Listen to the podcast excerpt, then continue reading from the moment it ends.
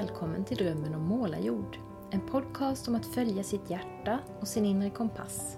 Om att komma till sin rätt som människa och om att förverkliga drömmar. Jag heter Maria Estling Wannestål och i podden möter jag personer som brinner för olika saker. Som har vågat lyssna inåt och känna efter vad som är viktigt för dem. Jag inspireras av deras berättelser och tankar och det hoppas jag att du också ska göra. Hur har du det i livet just nu? För mig har hela den här hösten varit en känslomässig berg och dalbana efter en tung sommar. Sorg och oro, bland annat över min svärmor som fick ett cancerbesked i augusti, har varvats med stor glädje och lycka, bland annat över bilderboken om Lovis ansjovis med releasefest, boksigneringar och uppmärksamhet i media. Och så min roman som äntligen är färdig och kommer att finnas tillgänglig om några veckor. En massa positiv respons på podden och webbkursen som alltmer börjar ta form. Igår var en sån där dag då berg och dalbanan manifesterades under en och samma dag. Först var jag på min årliga kontroll hos hudläkaren. Den jag har gjort varje år sedan jag för 14 år sedan drabbades av hudcancer med spridning till lymfsystemet och överlevde tack vare att jag bodde i rätt landsting där de använde en experimentell metod som bara fanns på några få ställen i landet. Nu satt jag här igår i väntrummet och formulerade i huvudet statusraden jag skulle skriva på Facebook efteråt om att jag klarat mig utan anmärkning den här gången också. Och så blev det istället snabboperation av en skum liten hudförändring och några veckor i orolig väntan. Förmodligen är det inget farligt. Men när man en gång har varit med om att det har varit det, väldigt farligt till och med, så väcks förstås en massa tankar. En vän till mig skrev så fint på Facebook när jag berättade om vad som hade hänt. Dina ord fick mig att tänka på kintsukuroi. Direktöversatt betyder det gyllene snickeri på japanska det är ett hantverk i vilket man reparerar keramik med guld. En teori som bygger på att ett föremål är vackrare då det har gått i bitar. Genom att reparera med guld visar man på värdet som ligger i föremålets historia och att det, bara för att det har gått sönder, inte är obrukbart. Snarare tvärtom. Vackrare, starkare. Keramiken kom till liv först i det ögonblick då den tappades. Så här skrev Victoria Palm i Good News Magazine nummer 14 2014. Min vän skrev i min värld gäller det också oss människor. Och precis så känner jag också. Jag har gått igenom en sån himla massa skit genom livet. Mobbing, min pappas död i cancer, min dotter Sannas självskadeperiod, egen vidbrändhet, egen cancer, min mammas demens och så den där existentiella ångestperioden i somras. Men jag känner mig bara starkare och starkare för varje grej jag tar mig igenom. Och livet blir liksom bara vackrare hela tiden, med svärtan bredvid alla färgerna. Sen kom jag hem igår och möttes av senaste numret av Allers där jag och min Sanna är med i ett stort reportage om vår resa från hennes kämpiga tonårstid till Lovis Ansjovis-boken och allt annat spännande som hon och vi tillsammans gör idag. En riktig glädjemanifestation. Om Sannas resa kan du också höra i avsnitt 36 av Drömmen om målarjord. Ja, det är väl det här som är livet. Och även om det är tungt ibland och andra stunder går så snabbt att jag knappt hinner andas så är jag så tacksam för att jag får vara med. Idag ska du få träffa inte mindre än två poddgäster som har gjort en annan spännande resa. Karin och Anna Bengtsson heter de. För något år sedan upptäckte jag en fantastisk podcast, Hjältarna, och sträcklyssnade på alla 17 avsnitten. Den här podden skapade Karin och Anna sommaren 2014 när de cyklade elcykel från Ystad till Umeå och intervjuade 52 världsförbättrare, alltså människor som på olika sätt bidrar till en bättre värld. Nu ska du få lyssna på vårt samtal inspelat i en park i Kristianstad i början av hösten. Varsågod!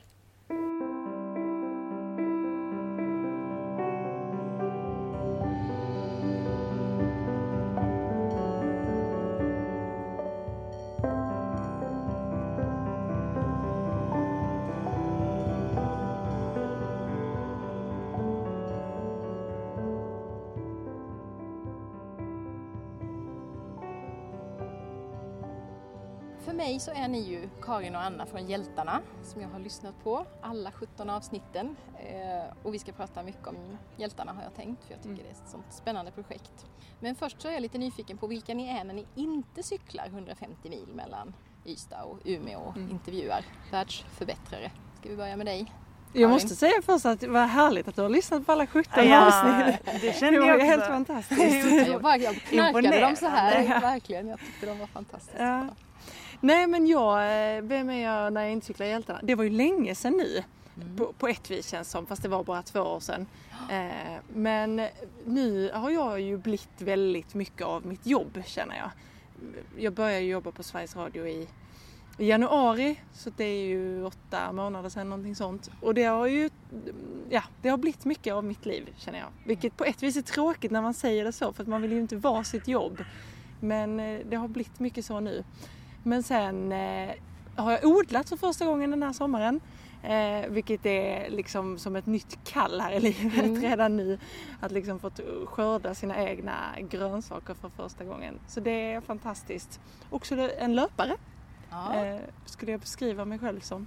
Löpare, odlare och eh, jobbperson. Ja.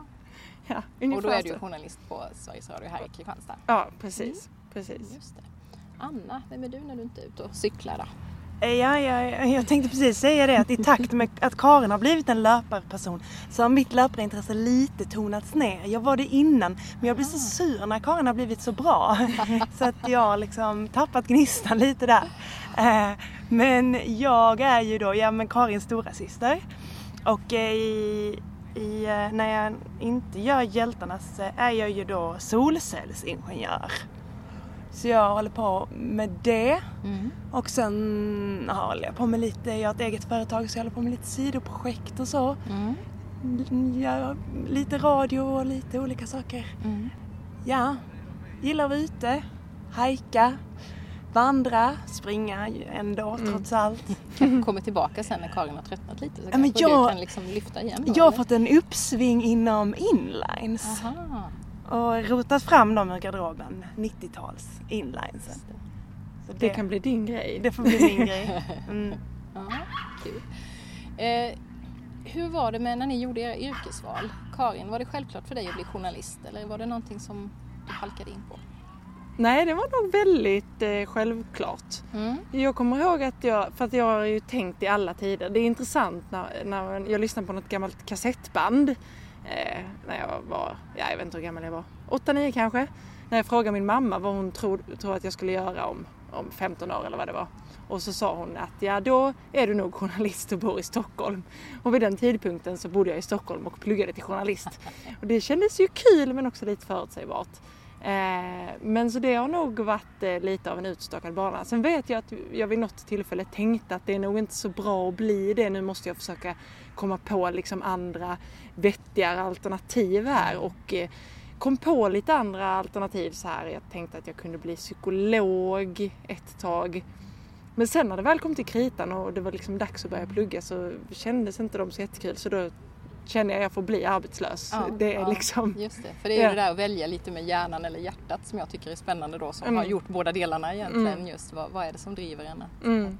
Men det var roligt att du sa det för jag har en 11-åring hemma som har pratat om att bli journalist i flera år mm. och nu har han plötsligt svängt om och ska bli psykolog.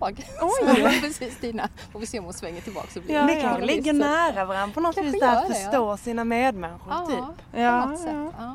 Men jag tyckte, jag, nu avbryter jag kanske men jag bara tänkte på det att du sa att du har blivit ditt jobb. Mm. Jag tänkte ju sagt det då att det känns ju inte så jättemycket som att du har blivit ditt jobb för du har ju alltid varit så insiktad på att vara journalist. Mm. Så det är ju inget nytt. Nej, nej det är det kanske inte. Mm. Det var en intressant aspekt. Ja. Mm. Mm. Och du då Anna?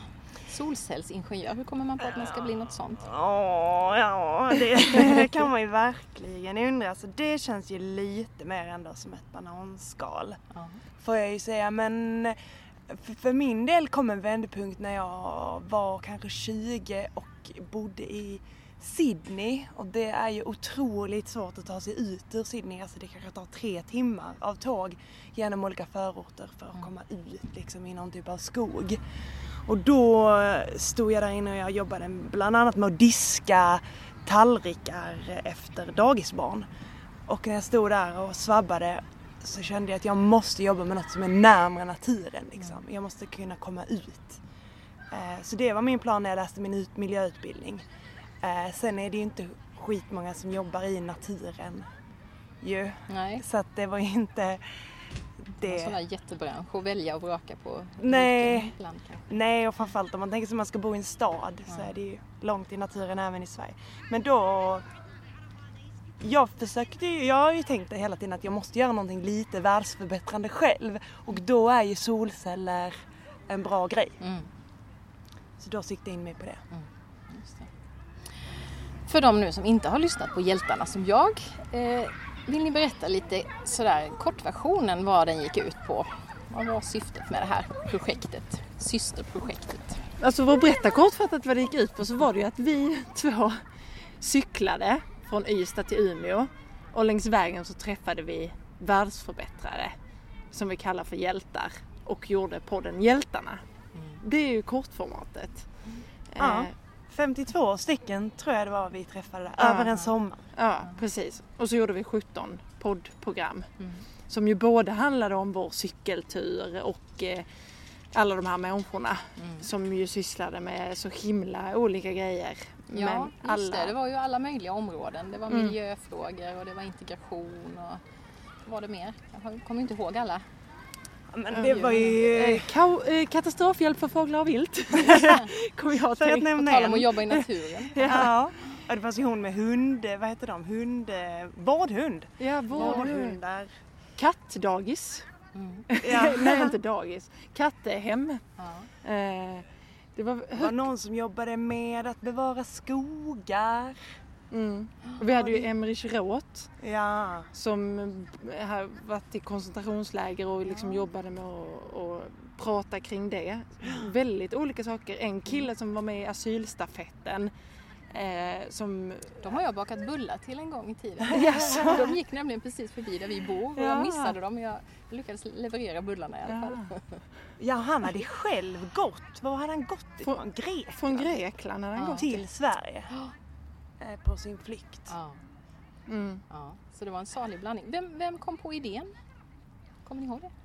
det Ja det var ju gemensamt, eller det var ju något som liksom kom fram genom eh, jättemånga samtal och eh, blöttande och nöttande kan man väl säga. På ett vis. Eller? Jo, jo, jo, alltså det var ju någonstans att vi tänkte så här, åh det vore kul att göra en lång resa genom Sverige. Ska vi vandra? Och så läste vi på att det hade ju folk försökt och det verkar ju vara helvetet på jorden. knäproblem tror jag det var folk fick. Ja, väldigt stora knäproblem. Det tar ju så lång, lång tid. Och då tänkte vi att vi får cykla och så tänkte vi att vad ska vi göra då när vi cyklar? Så hade vi mött vi hade bott en del på vandrarhem och mött en del goa typer där. Just det, det mm. började ju lite med att vi var i Trosa faktiskt och bodde på ett vandrarhem. Och träffade en av dem som sen blev en av hjältarna. Åh, oh, en eh, fantastisk man. Ja, det var han. Ja. Det var han. Eh, han höll ju på med, med massa, massa saker men det som var det mest intressanta var ju att han nu höll på att bygga upp ett slags kollektivboende för seniorer som skulle vara helt klimat eh, neutralt kan man ju säga. Eh, där de skulle liksom leva och bo tillsammans. Mm. Men, men alltså ja, men man måste säga mer om honom alltså för att det som var hans grundvärv liksom var att han var filmklippare och hade då klippt, eh, eller ljudsättare var det kanske, filmljudsättare. Och hade då satt ljud till alla de här, alla Tage Danielssons eh, och Hasse Alfredsons filmer. Aha.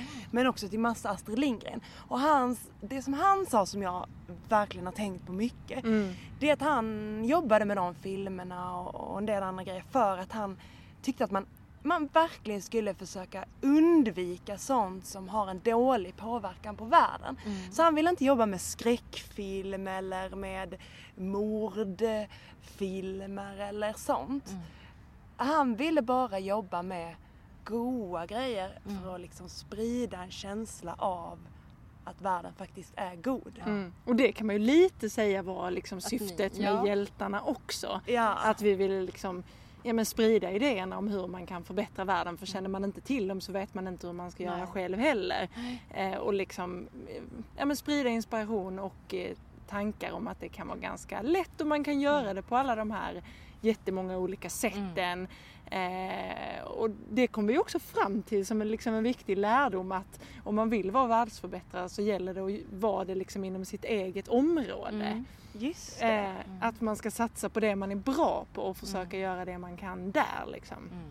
Just det, mm. alla måste inte göra samma sak och, och liksom känna att jag borde göra det, jag borde göra det utan hitta det man gillar och det har jag haft fler som har sagt just i, i podden och det tror jag ju också jättemycket på. Mm. Det är mm. lätt att tänka att man, det är vissa saker som liksom är lite finare än andra kanske eller så men, men eh, det är nog en viktig grej att ta med sig. Mm. Ja men exakt, och det känns som att det finns vissa grejer som är mer världsförbättrande än andra. Mm. Alltså till exempel kan jag själv känna det att jag har gjort ett feltänk. För jag har ju då tagit solceller och jobbar med för att jag tycker att det har liksom stor världsförbättring. Mm.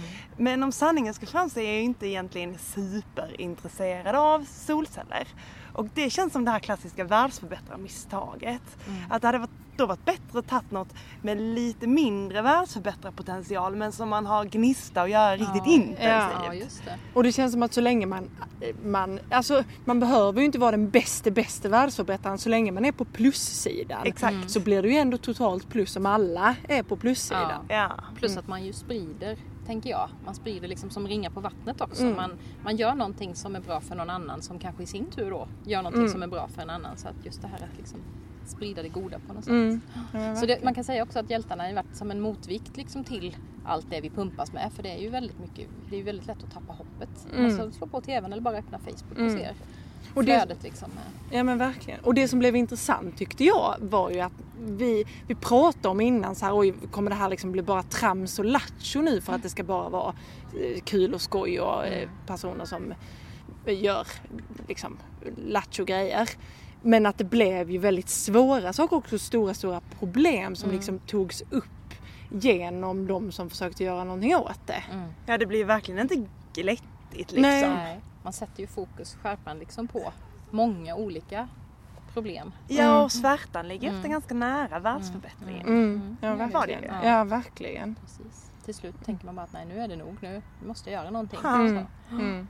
Hur mycket av det hade ni planerat i förväg? Hade ni liksom planerat in alla intervjuer och precis hur ni skulle åka och så? Eller var det sånt som liksom uppkom i stunden eller hur? Det var ju väldigt planerat får man säga. Ja. Väldigt planerat? Ja. det skulle jag precis säga att det var helt oplanerat. Va? Vi hade ju inte planerat några intervjuer alls. Fast vi har... Vecka ett typ. Jo, fast det beror på vad man menar. Jag, jag uppfattar det som att du menar Ja, om ni alltså, hade tänkt ut vilka ni skulle träffa, var ni skulle bo, ja. hur ni skulle åka. Ja. Så. Alltså vi hade ju kanske inte, vi hade inte tänkt ut eh, alla hjältar vi skulle träffa innan vi åkte hemifrån. Det hade vi bara tänkt ut första veckan. Mm. Men det var ju inte så att vi kom till, alltså för vi kanske hade haft någon slags eh, romantisk tanke lite innan om att vi skulle kunna så här, komma till ett ställe och fråga runt lite efter mm. en person. Och så, så blev det ju inte utan det var ju ändå att vi visste när vi, nu kommer vi till Gävle, men då ska vi ja. träffa den här och den här personen. Ja. Men då äh. hittade ni dem liksom under vägen så att ni, ni hade ni letade för nästa ställe medan ni var på ett annat eller så? Eller hur? Ja, så var det ju. Mm. Vi hade ofta en tanke om lite, ibland hade vi hört någon tipsa om något. Mm. Ibland hade vi en tanke om så att nu, nu har vi träffat jättemånga som håller på med miljöfrågor. Mm. Då var det kul att träffa någon annan som eh, håller på med hemlösa eller eh, eh, barnhem i Nepal eller något. Mm. mm. Eh, och eh, då undersökte vi, vi hade kontakt med en del turistbyråer och sånt. Alltså det är ofta ganska känt ändå vilket som är den lokala världsförbättraren. Ja, just det. Men ni hade ändå så pass tur att folk var, för jag tänker också sommartid, folk kan vara på helt andra platser och sådär. Men ni lyckades ju hitta Ja, så det mm. fattar inte jag i efterhand. Nej, och det var ju också eh, en, alltså det var ju rätt mycket att ja nu får du kunna den här dagen och kan du inte den så har vi cyklat vidare. Ja, just det. Eh. Det är obegripligt, typ alla kunde ju. Ja. ja, det är sant. Men det är roligt för det har jag märkt med podden också. Att det har ofta, väldigt ofta liksom klaffat. Ja men jag mm. är där då och då, skulle du möjligen? Jo men jag har ledigt precis, precis när jag kan. Alltså mm. lite som ja. att det faller på plats för att det ska det, tänker jag. Mm. Så, man försöker ändå när man vill. Men det, mm. för det som jag skulle säga snarare var, alltså det, den största anledningen att de kanske inte skulle vilja vara med, mm. det var ju för att de själva blev så när vi sa att ja, vi vill prata med dig om varför du är en hjälte. Ja. Så sa de nej, nej, nej, nej, nej. Jag är inte mm. en hjälte. Det går inte mm. att vara med i ett program. De vill inte själva sättas på piedestal. Mm. Det var väldigt återkommande. Att de mm. som, nästan de som var de största hjältarna ville absolut inte erkänna nej. att de var hjältar. Och det var också vanligt med resonemanget liksom om, om vi kanske frågar, oh, men vad driver dig och liksom eh, varför vill du världsförbättra eller så. Mm. Eh, att att eh, de som vi pratade med tyckte att, ja men det är väl inget konstigt med det. Alltså, Finns mm. det något man kan göra så gör man väl det. Det gör väl alla. Självklara liksom. saker. Ja. Men det är väl många av de här människorna som kanske hade en ganska eh, medmänsklig syn överlag och ville därmed inte heller sätta sig själva eh, högre än någon Nej. annan liksom. Mm. Utan de kanske kämpade själva för en större jämlikhet och så och då mm. kändes det väl fel och själv Ja just det, då ska jag ju inte vara för mer än någon annan och låtsas som att jag gör något bättre än någon annan. Så. Nej, men också mm. självklarheten i och för sig att mm. alla gör väl det här, mm. tyckte ja, de. Mm. Hur såg rollfördelningen ut mellan er två? Det är du som pratar mest i podden om jag fattar mm. i de här, när, det, när ni pratar om podden och så. Ja. Och sen så pratar ni ju sinsemellan. Har jag uppfattat det rätt? För det är lite svårt ibland att höra vem som är vem. Men... det är ett bestående problem. Så var det ju. Nej men alltså grejen är att Karin var ju mycket bättre på att klippa då. Nu också för den delen. Men äh, än jag.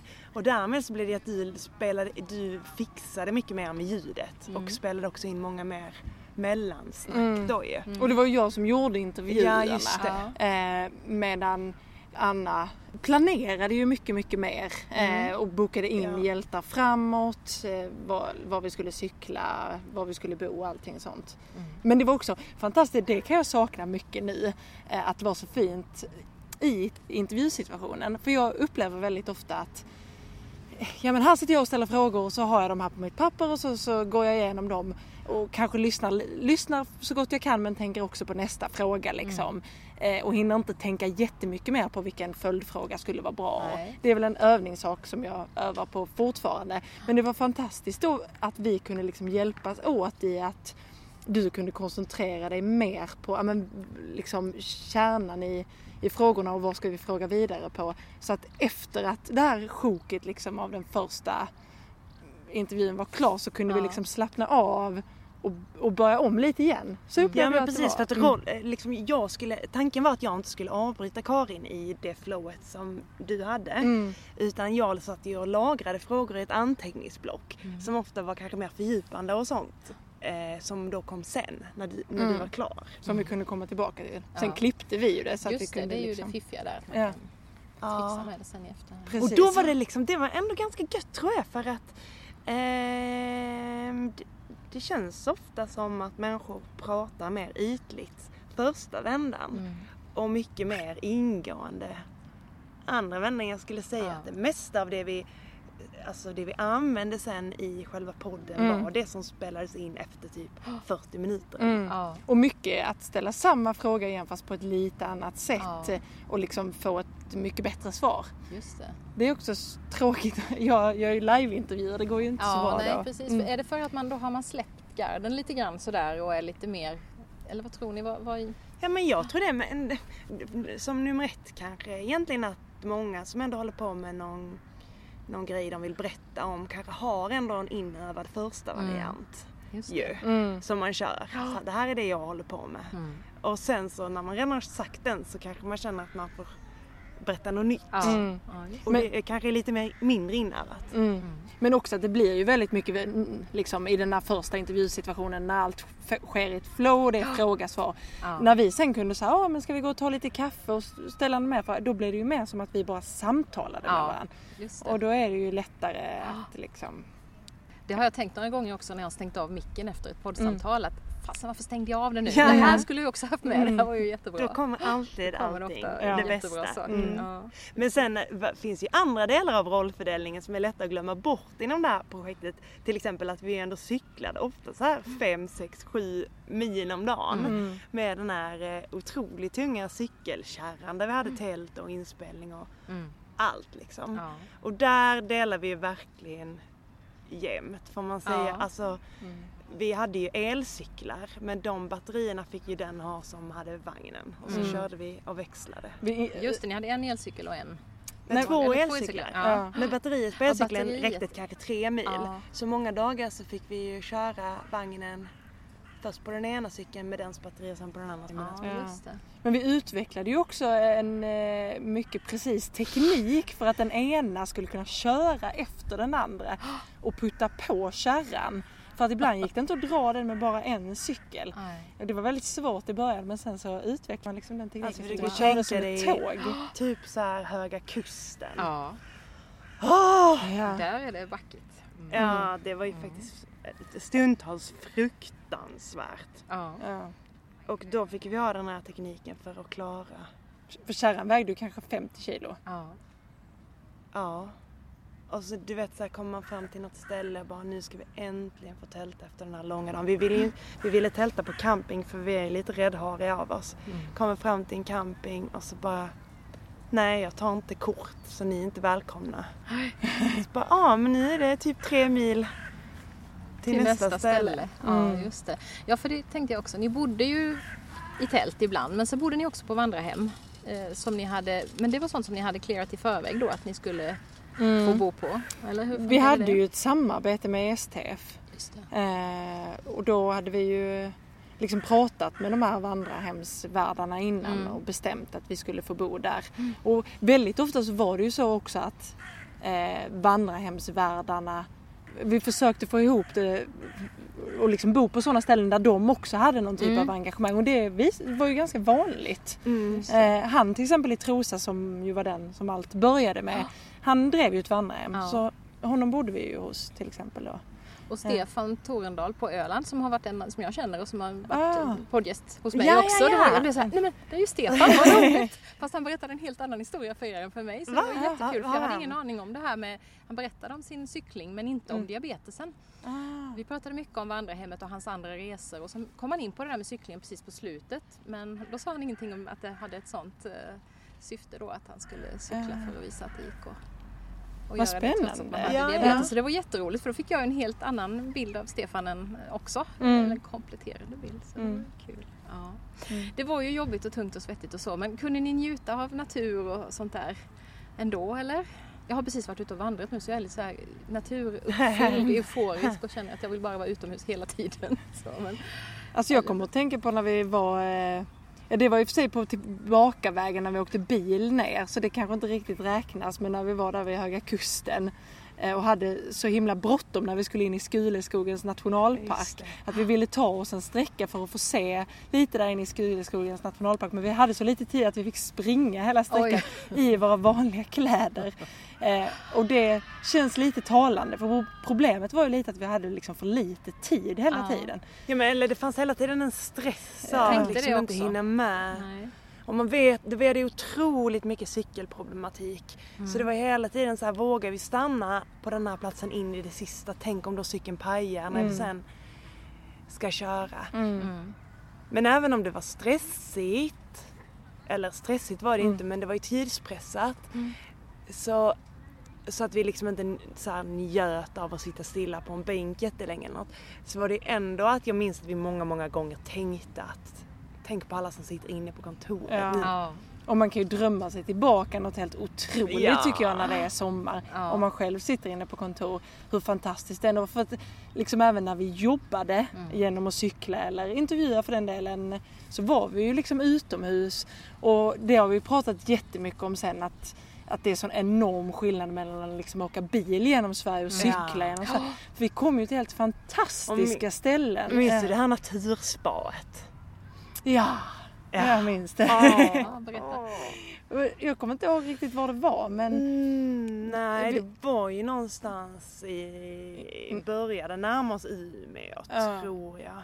Norrviken har jag för mig att det hette. Ja, Norrviken kan det heta. Ja. Vi tältade i alla fall eh, på ett ställe ute vid kusten uppe långt norrut. Och så gick vi till liksom en bukt in där det var en strand. Och så var det så här kvällssolen långgrunt. Eh, och så behövde vi tvätta oss men hade ingen dusch. Så vi tog liksom med oss eh, någon två liter i havet och låg och vaskade oss. Och även eh, tog sand från botten och, och eh, pilade benen och det kändes så lyxigt. Och så solen som gick ner. Och det var typ solnedgång och det var liksom ja. som en lagun kan man säga. Ja. Ja, det var, det var ju sjukt fint. Mm. Då hade vi cyklat sju mil. Jag tror det var norr om Sundsvall när jag tänker efter. Ja. ja. Så då var det också den här lättnaden att få vila och så som kanske ja. förstärkte mm. upplevelsen också. Mm. Ja, fantastiskt. Mm. Det var ju stressigt och jobbigt och tungt emellanåt och, och så. Men hur gick det med er relation? Det var inte så att ni kände liksom att nu vill vi aldrig ses mer efter detta eller hur? Eh, jo, lite så ja. ja. Det får man ju säga. Ja, vi var väldigt sura på varandra ibland. Ganska ofta.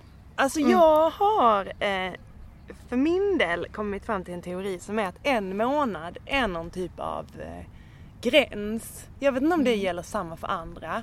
Men alla jag har rest med så tycker jag att en månad är, sen, sen går det liksom extremt snabbt utför. Mm. mm. Och jag vet, vi, jag... vi reste i Sydamerika tillsammans mm. i fyra och en halv eh, månad mm. eh, 2010. Eh, och då var vi också rätt mycket ovänner. Och då minns jag att i början av det här Hjältarna-projektet så sa vi så här, åh men titta vad bra det här går. Det kunde man aldrig tro. Nu har vi liksom eh, mognat och kommit ifrån de här gnabberierna. Mm. Eh, det här går jättebra. Men sen gick det ju utför. Eh.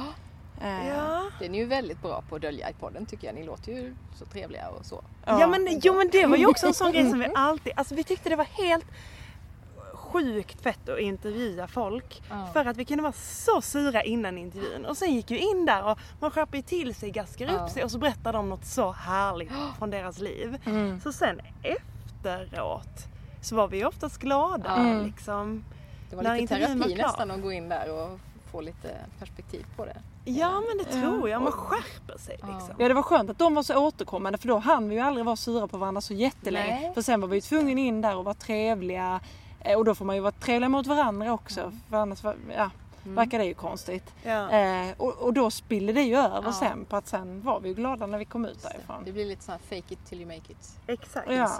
ja. Men det är ju liksom ändå slitsamt att cykla så långt så länge så att på något vis blir man väl lite sliten av det liksom. Mm. Överhuvudtaget. Oavsett om ni hade varit syskon eller inte så hade ni nog Exakt. Mm. Men jag tror det hade varit värre för mig om det hade varit någon jag inte var syskon med. Tror du? Alltså jag kan ju inte tänka mig någon det hade gått bättre med. Nej, det är sant. Det som är skillnaden väl som skulle kunna vara bättre på ett vis är ju att för oss blir det ju väldigt mycket att om man börjar irritera sig på mm. någonting så säger man det direkt. Mm. Eh, vilket ju kan vara dumt för om man hade bara struntat i det ett litet tag så kanske man hade glömt bort det sen. Mm. Men det blev väldigt mycket att saker kom upp till ytan direkt liksom. Mm. Sen samtidigt, en annan person hade man ju kanske inte ens stått ut med.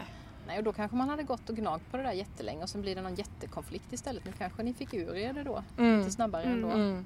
Men jag tror att många syskon har gamla förväntningar som ligger underliggande. Typ mm. att mm. vi har ju förväntningen, eller från min sida då mest kanske att du ska vara lat hela tiden. Mm. Det är ju dumt och det är ju fel. Mm. Men i sådana här pressade situationer så, så, på något vis kommer det alltid fram. Mm. Så då börjar jag alltid betrakta dig som lat hur jag än gör. Mm. Och det är ju klart jättedåligt för hela upplägget. Och jag har alltid förväntningen att du vill bestämma allting. Ja. Och, och liksom planera allting. Just det, storasystern. Mm. Ja. Just det. Hände det mycket som ni liksom inte hade räknat med? Ni pratade om cykelproblem och punker och sådär men gick det enligt planen och som ni hade tänkt er det mesta eller? Ja, det är ju, cy cykelproblemen var ju liksom något som vi inte ens hade övervägt. Vi Nej. tänkte att så länge vi kan laga en punktering så är, är det lugnt liksom. Ja. Men det, det blev ju enorma problem med det. Med alla ekrarna nästan som knäcktes av. Så vi fick ju lära oss att montera på, eller Anna fick lära sig att ja. montera på ekrar igen. Och, ja, sådär. Det var liksom, det började någonstans utanför Bergkvara redan. Då hade vi bara cyklat i lite mer än en vecka. Med eh, punkteringar och så pyspunka sådär mm. på vägen in mot Kalmar minns jag. Mm. Mm. Vi var hos någon cykelreparantör där som var jättesnäll och hjälpte till att laga. Mm. För vi pallade ju inte mer då. Hade mm. försökt att laga det. Och sen vaknar man dagen efter och så börjar det punka igen. Ja. Liksom. Mm. Lite hopplöst. Och sen så börjar rulla det på. Ja. Liksom hela tiden. Och sen fick vagnen punka. Och den har ju sådana jättesmå hjul. Mm. Eh, I Söderhamn var det tror jag. Mm. Svårt att fixa det. Mm. Mm. Det var ju till och med att vi fick ställa in någon hjälte någon gång för vi kom liksom inte fram. Nej. Eh, och det var ju då när vi kom till ett eh, hemskt vandrarhem som vi eller ja, ett, ett vandrarhem utan personal. Okay. Ute liksom på något eh, så här industriområde i skogen. Får man ju nästan beskriva det ja, som. Ja. Eh, som såg ut som en gammal militäranläggning nästan när vi kom in och det var ingen personal. Och, ja, vi kände här kan vi inte bo. Ja men liksom ett kråkslott med stora rum med bara sängar uppradade ja. så i så här metall sängar. Ja. Och det var ju då efter att cykeln hade pajat, vi lyckades inte ta oss till hjälten, fick boka om vandrarhem, ja. tog detta, kom dit, kunde inte bo där, det var mörkt ute och vi fick cykla vidare liksom i, ja. i mörkret. Då är man ju inte så jätteglad och pigg kanske. Nej. Nej. Men det var ju inte i sådana situationer som vi blev ovänner. Då var vi ju ett hejdundrandes team som liksom jobbade väldigt bra ihop till att liksom hitta på en lösning, upplever jag. Den yttre som... fienden som eh, ja. på något vis förenar. Ja. Det pratade vi också mycket att ibland kunde det vara bra om vi mötte eh, ja, men folk eller till och med hjältar som, som vi tyckte var lite eh, jobbiga eller inte så roliga. Eh, att då kunde det bli som en yttre fiende. Ja. Det var bra med yttre fiender överlag. Ja. Det behöver man. Mm. Men annars tycker jag nog det gick eller det känns inte som vi hade tänkt oss så jättemycket hur det skulle vara heller. Nej. Nej. Det är svårt att veta om det gick som...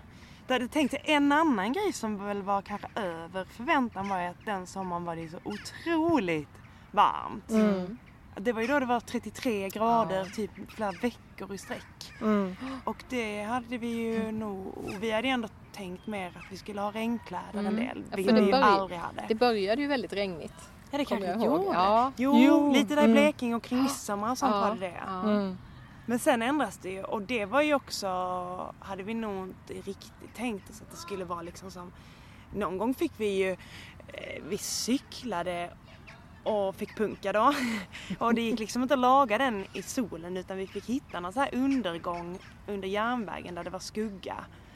För att det gick inte att vara, det var ju liksom ökenhett i solen. Och Karin fick liksom ligga ner på asfalten och försöka mm. eh, hålla dig vid liv höll jag på att säga. Men eh, mm. det var så varmt. Mm. Och ändå när vi cyklade vidare så var du helt yr i huvudet. Mm. Och jag fick knacka på hos någon okänd tant i något hus och be om vatten. Ja. Mm.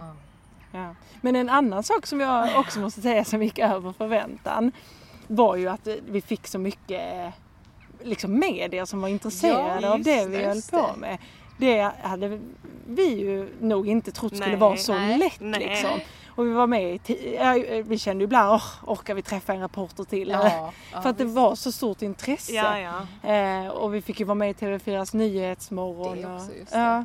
Och jag kommer, en väldigt härlig stund var ju när vi kom till Hudik och gick och satte oss på ett hamburgerhak och skulle äta kvällsmat. Och, och så kommer servitrisen och bara är det ni podden Hjältarna? Oh, och det var ju helt ja, underbart. Och liksom, på ja, en och en halv månad eller vad vi ja. hade varit ute då. Mm. Att, vi, att en person visste vilka vi var ja. så helt i Hudik. Ja. Mm. ja men till exempel när Karin cyklade genom Stockholm mm. så var det en busschaufför som vevade ner rutan och skrek till dig Vad har du gjort av din stora syster? Ja, just det. Det var liksom som eh, kändis för en, för en eh, sommar nästan. Din mini. Ja, ja, just det. Ja, vad roligt. Hur var mm. det sen när, när allting var slut och liksom allt det där mediauppmärksamheten falnade? Mm. Var det så här, blev det någon så här postdepression? Ja. Alltså det jag tyckte var, var att jag tror att vi hade haft någon slags bild innan av att bara vi får upp ett intresse för detta, bara vi får medier som, som skriver om det och får vara med så är det liksom något som nästan bara kommer rulla på av sig själv sen. Mm. Alltså lite att vi trodde att eh, ja men har, har, man väl kommit in i det där ja. så är man kvar för alltid. Och vi ja. pratar om, ska vi göra någon uppföljning på detta och vi borde föreläsa om det och ja men nu kommer det gå så bra i våra karriärer för nu har vi gjort detta ja. liksom. Nästan så. Mm. Eh, och att sen så bara dog det ju och inte att det blev som en besvikelse utan att det dog liksom både i att ingen var så intresserad av det längre kanske men också att man också själv kände där var det mm. slut. Mm. Nu vill jag inte liksom ens tänka på det mer. Kan, ja, ja. ja, men nej jag känner också verkligen det att jag, jag lärde mig då att det här med publicitet måste ju vara konstant mm. hard work. Mm. Inget som kommer av sig själv liksom. Men, eh, men eh, verkligen det där att när det var slut så kändes det som att prata inte med mig om det här längre Nej. för att jag vill mm. inte tänka på det här och möjligen hade det gått att slå mer mynt av det, det vet jag inte riktigt. Mm. Men att det kändes som att vi hade liksom inte tid och energi att försöka Nej. Men jag minns inte om man var deppad efter det. Minns du det? Det känns ju som att det skulle kunna varit det. Det är ingen en sån grej man har jobbat jättemycket med och lagt Ja. så mycket energi och sen så är det över liksom. Men det var nog väldigt skönt när det var slut för att det ändå Mm. hade varit så himla himla himla intensivt. Ja. Och sen tycker jag, det tycker jag är samma om man är ute på någon resa eller sådär, att det återgår så himla snabbt till vardagen. Mm. Och sen känns det som att, oj har vi gjort det? Ja, just det. Eh, att det känns som att det var en annan värld som man var i under en tid och nu har det aldrig funnits liksom för nu rullar på vardagen på som den alltid har gjort. Vilket ju är hemskt. Ja. Hur snabbt det går och liksom nästan glömma att man har gjort någonting. Så Ja. kommer det någon liten poddmänniska sen och blåser in igen efter två år. Det är extremt härligt, man gillar ändå att tänka på sådana saker. Ja. Och jag känner stor stolthet ändå när jag tänker på det. Ja, jag med, men jag har glömt bort att det ägde rum nästan. Ja. Men det är så många av de hjältarna jag skulle vilja träffa igen. Ja, Det är för det så tänkte jag också just. Har ni haft kontakt med eh, några av dem i efterhand eller? Nu har jag ju väldigt mycket kontakt med en hjälte, ja det vet du ju om. Eh, vi ska ju båda två åka till Nepal i januari. Just det, jo det vet jag. Eh, och eh, skriva frilansgrejer. Eh, och jag, i, i det som jag ska syssla med i Nepal, tog ju avstamp i en kvinna som vi träffade i Gävle Ja. som hade startat barnhem där men också hade jobbat med eh, barnmorskeutbildning i Nepal. Eh, för att det är ju problematiskt att den yrkestiteln finns liksom inte överhuvudtaget och det finns inga utbildningar för att bli barnmorska och barnadödligheten är jättehög. Mm. Och, eh, så att henne har jag mycket kontakt med nu för att hon helt enkelt hjälper mig att hitta intressanta personer Mm. att träffa i Nepal för att liksom kunna eh, skriva mer i det Ja. ämnet. Ja, Så att det, det är ju henne. Ja. Jag vet inte om det är någon mer. Det känns som att jag refererar till dem otroligt ofta i olika sammanhang. Mm. Eftersom det, de, man har ofta någon koppling till dem eftersom de var, höll på med så olika saker. Mm. Men jag skulle verkligen, det skulle vara gött att ha så här hjältarna nummer två. Mm. Där man fick se hur har det gått sen. Mm. Vad hände med dem? Mm. Jag träffade ju också, eh, jag har också träffat eh, hon här som driver den här vårdhundsskolan i Brösarp. Henne träffade jag ju i mitt jobb nu Mm. eh, och gjorde ett radioinslag om hennes verksamhet igen då fast i P4 Kristianstad istället. Så lite sådana små Ja. men man skulle vilja göra mer. Mm. Mm. För det är ju liksom en skattkista av guldklimpar Ja. får man säga. Mm. Vad skulle ni säga är det allra bästa med det här projektet nu när ni ser tillbaks på det så här några år senare? Vad tar ni med er som det allra mest positiva? För mig personligen så känner jag att det var liksom få den sommaren. Eh, det är väldigt egoistiskt men jag tyckte att det var en fantastisk sommar i mitt liv. Eh, av att få vara ute i, i sommarsverige och träffa fantastiska personer. Liksom. Eh, Ja, det tycker jag med. En en grej som jag känner att jag verkligen önskar att jag hade tagit med mig mer men som jag tyvärr känner att jag har glömt bort. Det är att jag vet att vi då efter kände en sån hoppfullhet inför Mm. världen. Vi var ju såhär, gud vad människor är snälla, alla är så fantastiska, alla vill göra världen bättre och typ är schyssta och så. Mm. Minns jag att vi tyckte då. Mm. Och kände en enorm energi i det. Om man nu tänker två år senare med också all med negativ media som är och så. Så känner jag mig helt dränerad på den känslan. Mm. Eh, jag, jag tänker att eh, ja, jag får väl lyssna på programmen igen och uppleva de här. Mm. För att det, det, det, det behövs ju de som pratar om det här för att man vill ju känna den känslan. Och det är ju så viktigt för ens gnista att själv göra världsförbättrande grejer. Mm. Att man känner att andra gör det och, och också tänker jag nästan att det kan skapas ett tr- tryck kring att tänka så.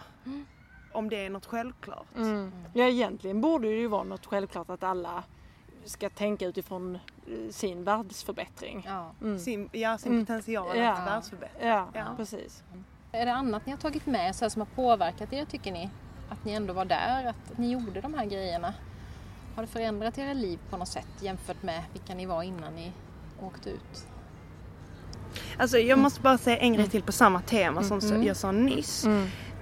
Eh, det var ju också att jag minns då att jag funderade lite så kring framtida jobb och sånt. Och att jag kände att jag aldrig skulle kunna välja, alltså inom energibranschen kan man ju verkligen jobba med både bra och dåliga grejer. Att jag kände då att jag aldrig skulle kunna välja ett, ett dåligt energijobb Nej. för att jag skulle skämmas så inför alla de jag hade mött. Men känner du fortfarande så? Nej, det har ju också gått ur till stor del. Alltså. Mm. Det är också tragiskt. Tänk om alla människor bara hade pushat varandra liksom att, li, att det var lite mer negativ feeling i samhället kring när man gör dåliga saker. Mm. Då hade ju påverkan varit väldigt stor. Liksom. Mm. Men man behöver inte skämmas ett uns för att man håller på med något dåligt. Mm. Nej, det, det kommer jag ihåg ett, ett exempel när jag var på en, en fest och hade druckit några bira och var lite mer frispråkig så träffade jag en bilförsäljare och då tog jag mod till mig och frågade honom om han inte tyckte att det kändes jobbigt liksom att sälja bilar som ju för, försämrar världen. Ja. Och det blev ju oerhört dålig stämning ja. liksom. Och det var ju uppenbart att det var liksom inte en okej okay fråga. Nej. Och jag pratade med min sambo efteråt och sa oj, oj, oj, jag ställde den här frågan när det blev lite dålig stämning och han hur kunde du fråga så? Det var ju jätte... Men jag menar det borde man ju ja, kunna fråga. Att man hela tiden liksom ifrågasätter. Jag tänkte ja. ett exempel, jag var på Pressbyrån och köpte äpple häromsistens och så frågade en tjej så här, ska jag skölja det åt dig? Ja det var ju trevligt så jag men det hade varit ännu bättre om, du sålde, om ni sålde ekologiska äpplen. Mm. Och då var hon så himla trevlig först och när jag sa det så blev hon skitsur. Det får du ta med ledningen. så, så att det, då tänkte jag just på det här att man borde göra det hela tiden, hela tiden. Mm. För vi kan ju påverka. Mm. Så jag har sagt till på ICA hemma till exempel. Det här och det här och det här saknar jag. Mm. Och handlaren tog in det. Men ofta tänker man ju inte på det att man kan ju faktiskt genom att ställa de där frågorna mm. ändå. För jag tror att den killen kanske tänkte, även om du skapade dålig stämning, på den festen så kanske han ändå fick sig en tankeställare och fick med sig någonting. Mm. Men huruvida mm. frågan är okej eller inte är också handlar om vilken liksom, referenspunkt man har inom liksom, huruvida världsförbättring är ett måste eller inte. Och mm. det är ju verkligen så mycket inte ett måste ja. att den mm. frågan blir lite märklig. Mm. Ja, det känns ju som att det är ett mycket, mycket, mycket större måste i så fall att eh, ja, men, dra in skattepengar ja. är ju ett mycket högre måste mm. än vad det är att förbättra ja, världen. Överhuvudtaget att jobba med någonting mm. är ju ett otroligt, alltså mycket större eh, måste. Alltså mm. det är mm. mycket eh, filare att sitta och, och chilla mm. än att sälja bilar. Mm. Ja det är det ju. Och, och något av det som jag tycker eh, kan framställas som väldigt världsförbättrande i medier och så idag är att anställa andra. Alltså om man är entreprenör och sätter andra i arbete så, så kan det oavsett vilken verksamhet ja. man har anses vara världsförbättrande. Exakt. Vilket är ju jättekonstigt. Det är extremt märkligt. Mm. Ja ofta utan någon typ av, det leder inte till någonting. Nej. Det är ändå en förbättring i sig. Ja. Precis, för det är en del av tillväxtgrejen ja. på något sätt. Exakt. Man ska växa, växa, växa. Mm. Ja. Men det hade man ju velat ha med sig mer, att den mm. punkten skulle flyttas liksom. Mm. Men det tror jag kräver att man träffar många världsförbättrare. Mm. Ja. Jag funderade också på det. Ha, ha, hade ni med det här världsförbättrarperspektivet? Har ni haft med det liksom hela livet eller när när uppstod intresset? För... Det, det är ju en sån grej som, alltså våra föräldrar förvånar sig alltid otroligt mycket över att vi tänker på världsförbättring eftersom de själva skiter rätt mycket i det och kan inte begripa hur deras kids har fått detta intresse. Mm. Och det är en lurig fråga vad det uppstod. Mm. Ja. Så att ni båda är intresserade ändå. För det kan ju ja. vara så att någon i familjen är den liksom mm. hållbarhetskämpe. Men jag tror vi har triggat det hos varandra kanske genom att prata om det också. Mm. Eh, och ju, det, för du frågade innan hur hjältarna hade eller förändrat mm. oss. Och det är väl inte så mycket egentligen men nu när vi pratar om detta så kan jag känna att jag ja, men genom de här reflektionerna fått sätta ord på vad jag tror på liksom. Mm. Och att det känns viktigt att eh, Eh, ha med sig i livsval mm. och karriärval och allting sånt där. Att få sätta ord på men vad är det här, vad är världsförbättring? Eh, ja, mm. sådana saker. Mm. Men en grej som jag tror, om jag ska försöka tänka kring varför vi båda vill eh, då försöka världsförbättra lite mm. i alla fall. Så tror jag en grej ligger i att alltså båda våra föräldrar står ju på ett vis eh, eller de har inte följt den liksom konventionella eh, livsstilen Nej. i samhället. De kanske inte har prioriterat jobb och prylar så högt utan kanske en friare livsstil högre. Och jag tror då i alla fall för eh, mig själv då så tror jag att då har det hela tiden blivit ett val vilken livsstil man själv ska ta. Om, man ska sikta in, om jag ska sikta in mig mer på deras stil eller mer på den vanliga stilen. och i det valet, när man måste göra det valet så tror jag kanske att jag har tänkt lite mer då kring exakt vad jag vill positionera mig liksom. Mm. Och att därmed har världsförbättrarfrågan kommit upp mm. lite. Alltså ska jag nödvändigtvis knega på och hålla Just på. Det. Det är då måste det Nej. med hur man ska leva så för att alla andra gör så. Så mm. tror jag. Mm. Men sen så var det också Brian Palmer mm. som vi träffade mm. som är ju expert på varför folk blir världsförbättrare. Han menade ju att det är avgörande för de flesta att man har haft någon förebild kanske i skolan eller så. Mm. Och då kan jag ju tänka på en gammal goding som Nils Nyberg. En uh, högstadieklassföreståndare jag hade som var extremt miljöengagerad. Mm. Som jag tror ändå har påverkat mig mycket. Mm. Har du haft någon sån? Nej, inte som jag kan komma på. Eh, men jag tycker det är intressant det här du säger med att jag tror, eller jag upplever bland mina vänner att det är många som tänker ganska mycket när de väljer karriärspår och vad de ska göra och sådär utifrån att det ska vara ett säkert jobb som man får sin inkomst på. Sen är det liksom Ja men man väljer den vägen om mm. man vill ha sin familj och man vill bo i sin villa och sådär.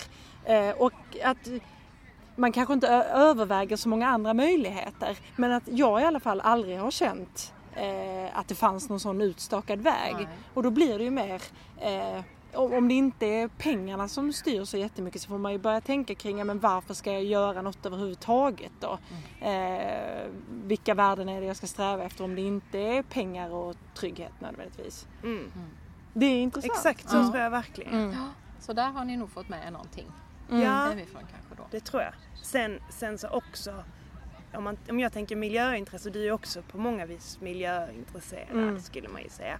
Så är det ju också, om man är ute mycket med sina föräldrar tror jag. Mm. Det har alltid varit på utflykt hela tiden. Mm. Det är klart man blir intresserad av naturen mm. och så då. Mm. Det är väl också en del. Mm. mm.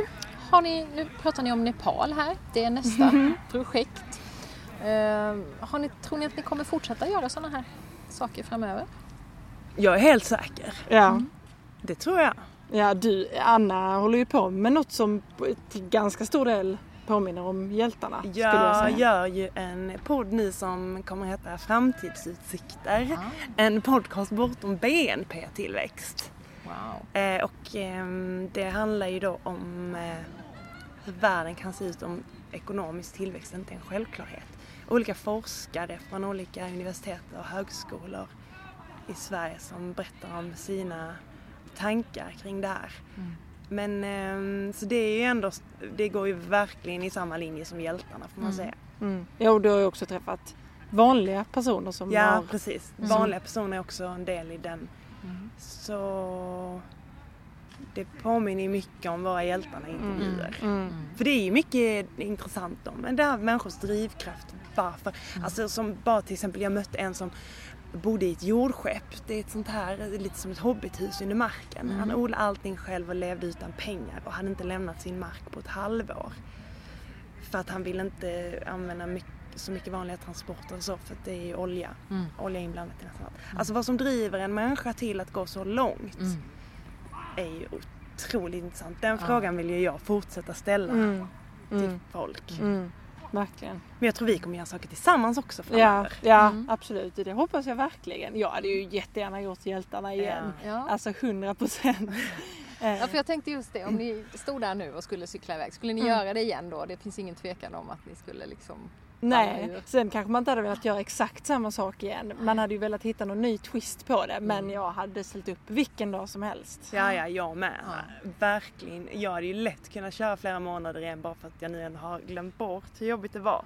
Men jag tror mm. att Nepal är optimalt för att det är tre veckor och då håller vi oss under den här månadsgränsen mm. då jag, saker börjar bli jobbiga. Mm. Och där ska vi också syssla med olika saker. Mm. Alltså vi har inte ett gemensamt projekt utan två olika projekt. Mm. Vilket jag tror kan vara jättebra också. För då kan vi mer bara ha varandra som liksom bollplank istället för att det ska bli eh, in och rodda i samma sak. Mm. Mm. Det tror jag är perfekt. Ja, vad spännande. Är det någonting som ni inte har berättat?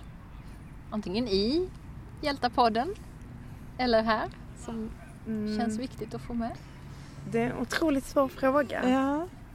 Jag tror jag har tagit med allt. Ja, jag med. Ja. Det, det, har varit eh, väldigt härligt att liksom få den här stunden att minnas tillbaka. Ja. Mm. För att man tänker på det för sällan. Mm. Mm. Verkligen, ja. Mm. Ja men det är väl det där också. Blåsa liv i och tankarna och reflektionerna och ja, just det. Mm. Och livsvalen liksom. Att man behöver det. Det är lite färskvara ändå. Mm. Allt man ja. gör på något sätt. Jag har tänkt med många sådana här grejer. Man lär sig verktyg för att hantera saker. Ja, så funkar det ett tag. Sen mm. så, plutt, så trillar man i diket igen. Mm. Det är väl så vi människor fungerar. Mm. vi, behöver liksom, vi kan inte leva på någonting hur länge som helst heller. Utan man behöver lite påfyllnad. Mm. Mm. Ja, så tror jag verkligen att det är. Vi får lyssna på hjältarna igen. Jo, en, jag, nu kommer jag på en grej som ja. jag vill säga. Jo, en viktig anledning till att vi också gjorde det här projektet var ju för att vi skulle testa om det gick. Mm. Mm. Pratade vi om. Alltså att eh, man hör om folk som gör olika grejer och så fattar man inte riktigt hur de klarade det. Och det kan kännas som en helt omöjlig grej att få någon att vilja sponsra en och verkligen genomföra mm. något som är en dröm. Så vi tänkte att om vi testar att det går då så kommer det vara så himla underlättare inför framtiden. Mm. Alltså en kännedom som kommer vara viktig mm. för oss. Och grejen är att det gick ju verkligen helt helt över förväntan. Mm. Men det var nog mycket en kännedom om eh, sin egen kapacitet. Upplevde jag det. Fast både och tycker jag. Ja. För att det handlar också om att, att eh, Alltså att jag ibland tänker att det skulle krävas otroligt hög kapacitet för att göra någonting sånt här och det skulle jag inte vilja nödvändigtvis tillskriva oss utan mer att det kändes som att ja, men folk var peppade mm, liksom. Mm, mm. I allmänhet är folk det. Mm. mm. Ja, men en, jag menar en tro på sig själv i att oj det här gick att starta, ja. det här gick att få igenom, mm. det här gick att få folk att tro på. Då kan jag starta ett företag eller Exakt. göra en annan resa och jag kan fixa grejer liksom. Det är inte så svårt. Självförtroendet känns ju avgörande och det kändes som det var en lärdom för oss. Mm. Men också att man märkte det på de här hjältarna. Att när de väl hade satt igång, då så var det för nästan alla att det rullade på så otroligt mycket lättare mm. än vad de någonsin hade kunnat förutspå. Det var ju därför de hade blivit världsförbättrare. För att de först hade bara gjort en liten grej. Och sen så hade det rullat på så sjukt mycket mer än vad de någonsin hade kunnat mm. förutspå. Mm. Och det tror jag är någonting som jag ändå bär med mig. Att vara bra att vi tog det första steget och gjorde mm. det där så vi lärde oss det där. Mm. Och eh, att det borde fler göra, mm. för det blir fett. Mm. ja. Just det. Och just det då att ni kanske inte egentligen tyckte att ni hade den där jättestora, att ni var, är sådana människor som är övermänniskor utan att hyfsat vanliga människor kan klara ja. av att göra någonting som, som blir väldigt bra. Mm. Ändå. Det kan ju ge, blåsa in väldigt mycket självförtroende i andra, mm. tänker jag som lyssnar. Exakt. Också, våga testa sina gränser lite grann. Och, och att det löser sig längs vägen. Ja, liksom. mm. ja. Tack så jättemycket för att jag fick komma och prata med er och tvinga tillbaka er lite grann på de skumpiga vägarna med punkteringar och annat. Det var jätteroligt att få höra lite mer om bakom kulisserna också tyckte mm. jag. Det var jättekul att vara med. Ja, verkligen. Otroligt roligt. Ja. Mm. Och lycka till med kommande projekt i Nepal och på andra ställen. Tack, tack. tack.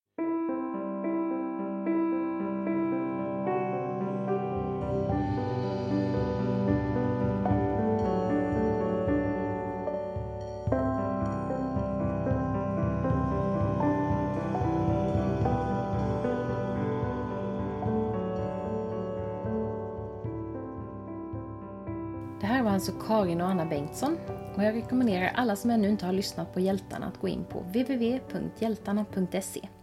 Jag blev väldigt inspirerad av att lyssna på Anna och Karin på flera olika sätt. Dels det här med alla världsförbättrare de mötte. Det ger så mycket hopp i en mörk höst. Med allt ifrån dystra rapporter om tuffare asylpolitik och klimatkriser till det amerikanska presidentvalet. Just det att det finns så många olika sätt att bidra på. Att vi alla kan göra något och att vi alla kan satsa på det vi gillar mest, som vi också har pratat om i flera tidigare poddavsnitt.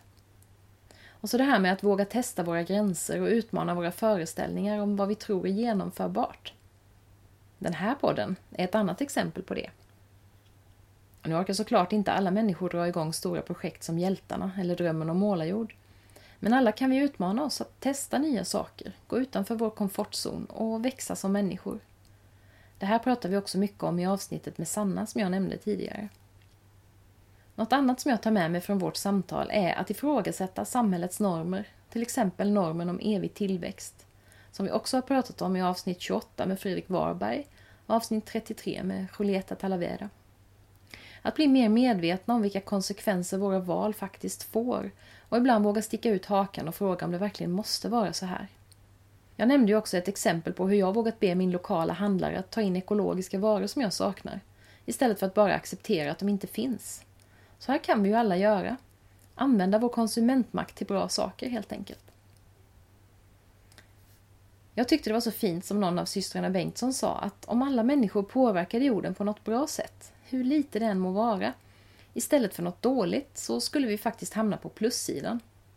Jag tar med mig det och fortsätter försöka bidra på de sätt som ger mig energi. Som att försöka leva så hållbart som möjligt privat. Och också göra den här podden och skriva texter som kanske kan inspirera. Mitt senaste blogginlägg med titeln Varje litet grässtrå handlar exempelvis om små enkla saker vi alla kan göra för att minska våra ekologiska fotavtryck. Vilken liten förändring skulle du kunna göra i just ditt liv för att bli en världsförbättrare?